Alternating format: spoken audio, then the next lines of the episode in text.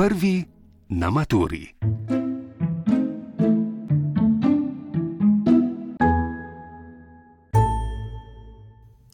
Za izhodišče tokratne oddaje za maturante bomo vzeli pogovor z maturanti iz druge gimnazije Maribor. Zanimalo nas je, katere izbirne predmete so si izbrali in kaj jih najbolj skrbi. Ja, jaz imam psihologijo, pa zgodovino. No, psihologija mi ni tako obsežna, ker mi je kar blizu in bi rad to tudi šel v prihodnosti študirati. Zgodovino pa sem si izbral, ker mi je tekom srednje šole šla kar gladko in sem potem si to izbral. Je tudi zelo velik obseg, ampak veliko znanja imaš že tako ponotranjenega in lahko preko konteksta uh, ugotoviš, kaj je rešitev in jo potem navedeš. Ja. Pri zgodovini imate neke obvezne teme in podteme, katera te najbolj skrbi? Ja, verjetno te teme, ko jih ne bomo skupaj obdelali v šoli, saj zaradi časovne stiske, verjetno ne bomo prišli vsega skozi. A to je bolj 20. stoletje? Ja, to, kar je letošnja snov, bomo en delež se mogli sami naučiti, ampak me ne skrbi to toliko, ker nam je vseeno ta preteklost kar blizu in tudi gre. E, jaz imam filozofijo in zgodovino. Bolj me verjetno skrbi zgodovina zaradi obsežnosti snovi in pričakujem, da bom v časovni stiski zato z tega razloga. Katera tema ali pa podtema pa tebe skrbi tudi to, kar je omenil Luka, da tiste snovi, ki jih ne boste predelali v šoli, boste morali sami ali kaj drugega? Ja, ja mislim, da tudi tega, česar nismo, ne bomo uspeli predelati za najteže, oziroma rekla bi mogoče pri angliščini slušno razumevanje, ker se na to res teže pripraviš in je odvisno tudi od zvočnega posnetka, ki ga bomo imeli. Um, pa mogoče tudi ta jezik pri slovenščini. Druga je spet na pole. Ja. Se mi zdi, da tudi spada med ena izmed težjih delov celotne mature. Drugi izpitni poli pri slovenščini smo namenili oddajo 27. aprila, najdete jo na podkastu Prvi na maturi. Smo pa pobrskali po našem arhivu in našli odgovore in nasvete za ostale tri predmete: angliščino, zgodovino in psihologijo. Med obveznimi predmeti na splošni maturi je angleščina tista, ki maturantom povzroča najmanj preglavic. Kandidati lahko izbirajo, ali bodo izpit opravljali na osnovni ali višji ravni, na obeh jih čakata pisni del, ki je sestavljen iz pisanja in slušnega razumevanja, ter ustni del. Del sestavkov na višji ravni in del ustnega izpita na osnovni ravni sta letos knjigi Lord of the Flies Williama Goldinga in Never Let Me Go, ki jo je napisal Kazuo Ishiguro. A, kot smo slišali, vseeno obstaja del izpita, ki dijakom povzroča vsaj nekaj skrbi: slušno preverjanje. Zato Lisa Mislej Vončina, magistra profesorica angleščine, podaja nekaj nasvetov za uspešno upravljanje tega dela izpita. Ja, mislim, da je vsako leto veliko govora o slušnem delu po odpisani maturi iz angleščine. Mislim, da so v zadnjih letih posnetke tudi mal prilagodili, se pravi, da ni v ozadju več nekih hrupov ali motečih faktorjev. Drugače pa slušno razumevanje je ena taka sekcija mature, ki v bistvu nihče ne posveča prav veliko pozornosti v pripravi.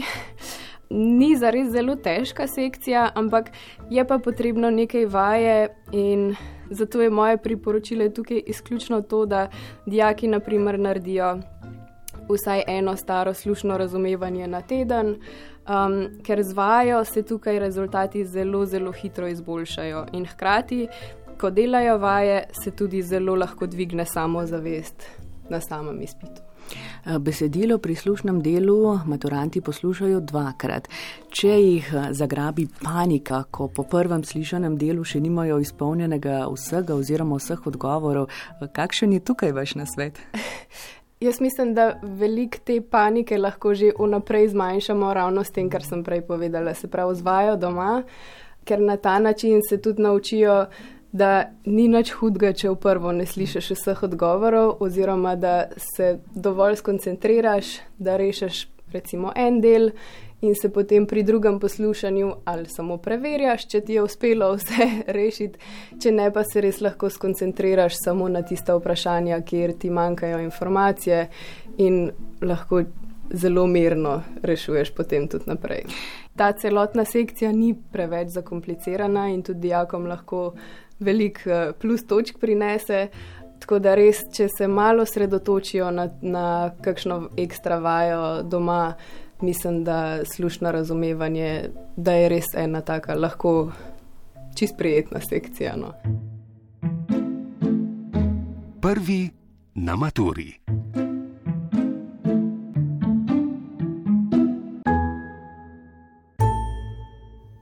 Pisni del izpita pri psihologiji je sestavljen iz treh delov, za njihovo reševanje pa imajo mladi na voljo skupaj 210 minut. V prvem delu, ki prinaša največ točk oziroma kar 36 odstotkov celotne ocene, kandidate čakajo strukturirane naloge. Izberejo tri. Kakšna so merila ocenjevanja pri tem delu in na kaj morajo biti najbolj pozorni, je Tadeja Bizil povprašala Ivo Strniša, univerzitetno diplomirano psihologinjo, ki poučuje psihologijo na gimnaziji Franceta Preširna v Kranju. Jaz predlagam naj kandidati predvsem natančno preberejo, kaj vprašanje od njih zahteva.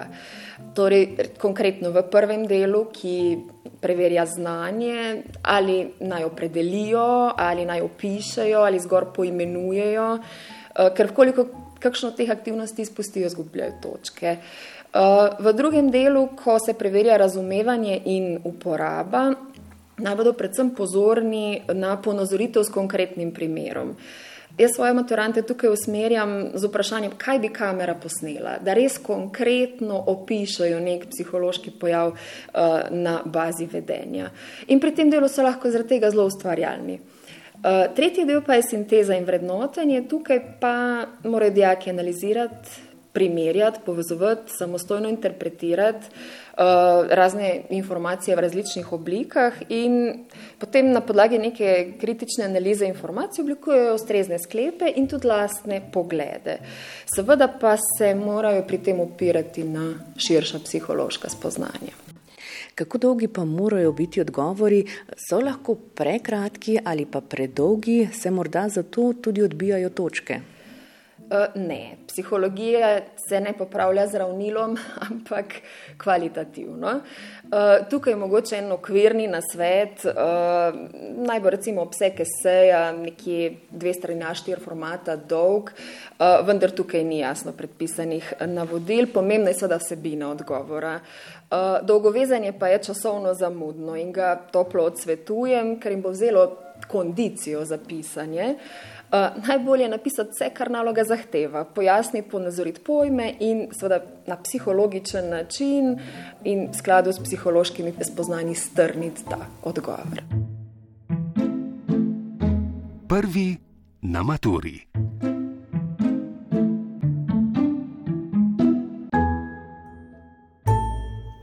Še k zgodovini je treba. 11 obveznih tem, 7 iz obče in 4 iz narodne zgodovine, dijaki pa se morajo enakovredno pripraviti na vse teme.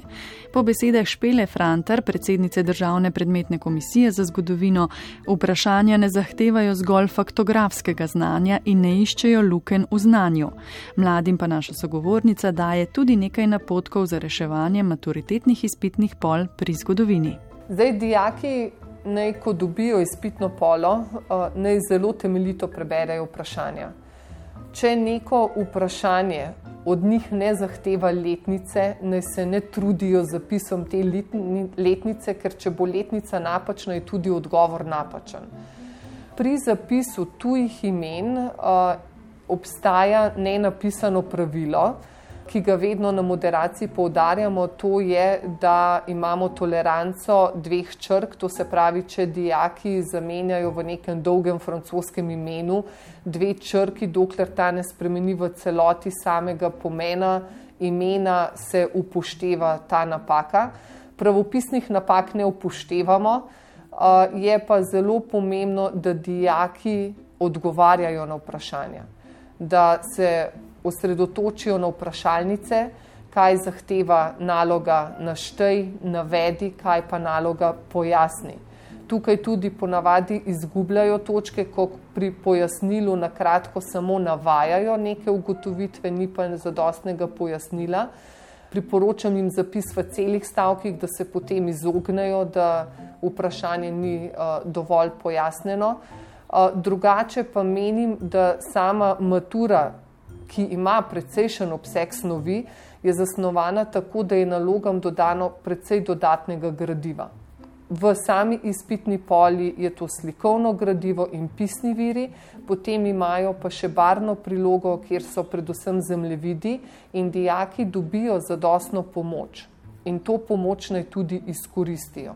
Tako da jih navajamo zadnja leta predvsem na delo z zgodovinskimi viri in ugotavljamo, da tukaj je velik napredek, se pa pojavlja težava, da ravno zaradi tega, ker računajo na to pomoč, se manj osredotočajo na temeljna znanja. Ne toliko na faktografska, ampak na neke splošne pojme, razumevanje teh pojmov, konceptov, um, neke vzročno-posledične perspektive.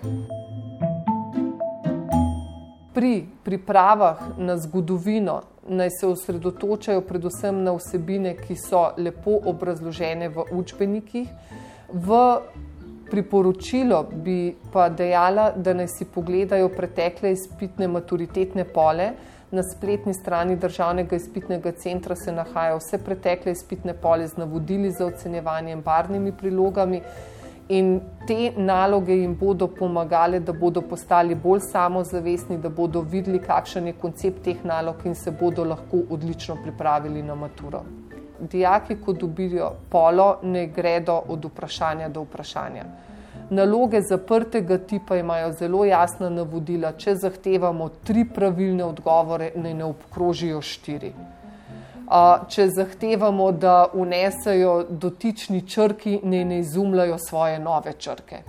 Vsako leto se na maturi pojavljajo lapsusi, vsako leto se tudi zunanji ocenjevalci in pa znotraj komisije malce hudomušno nasmehnemo vsem možnim odgovorom na dotična vprašanja, ampak vsi se zavedamo, da tudi za dijake je situacija zelo stresna. Za malo manj stresa si lahko pomagate tudi s podkastom. Prvi na maturi. Vse za maturante na enem mestu, na podkastu Prvi na maturi.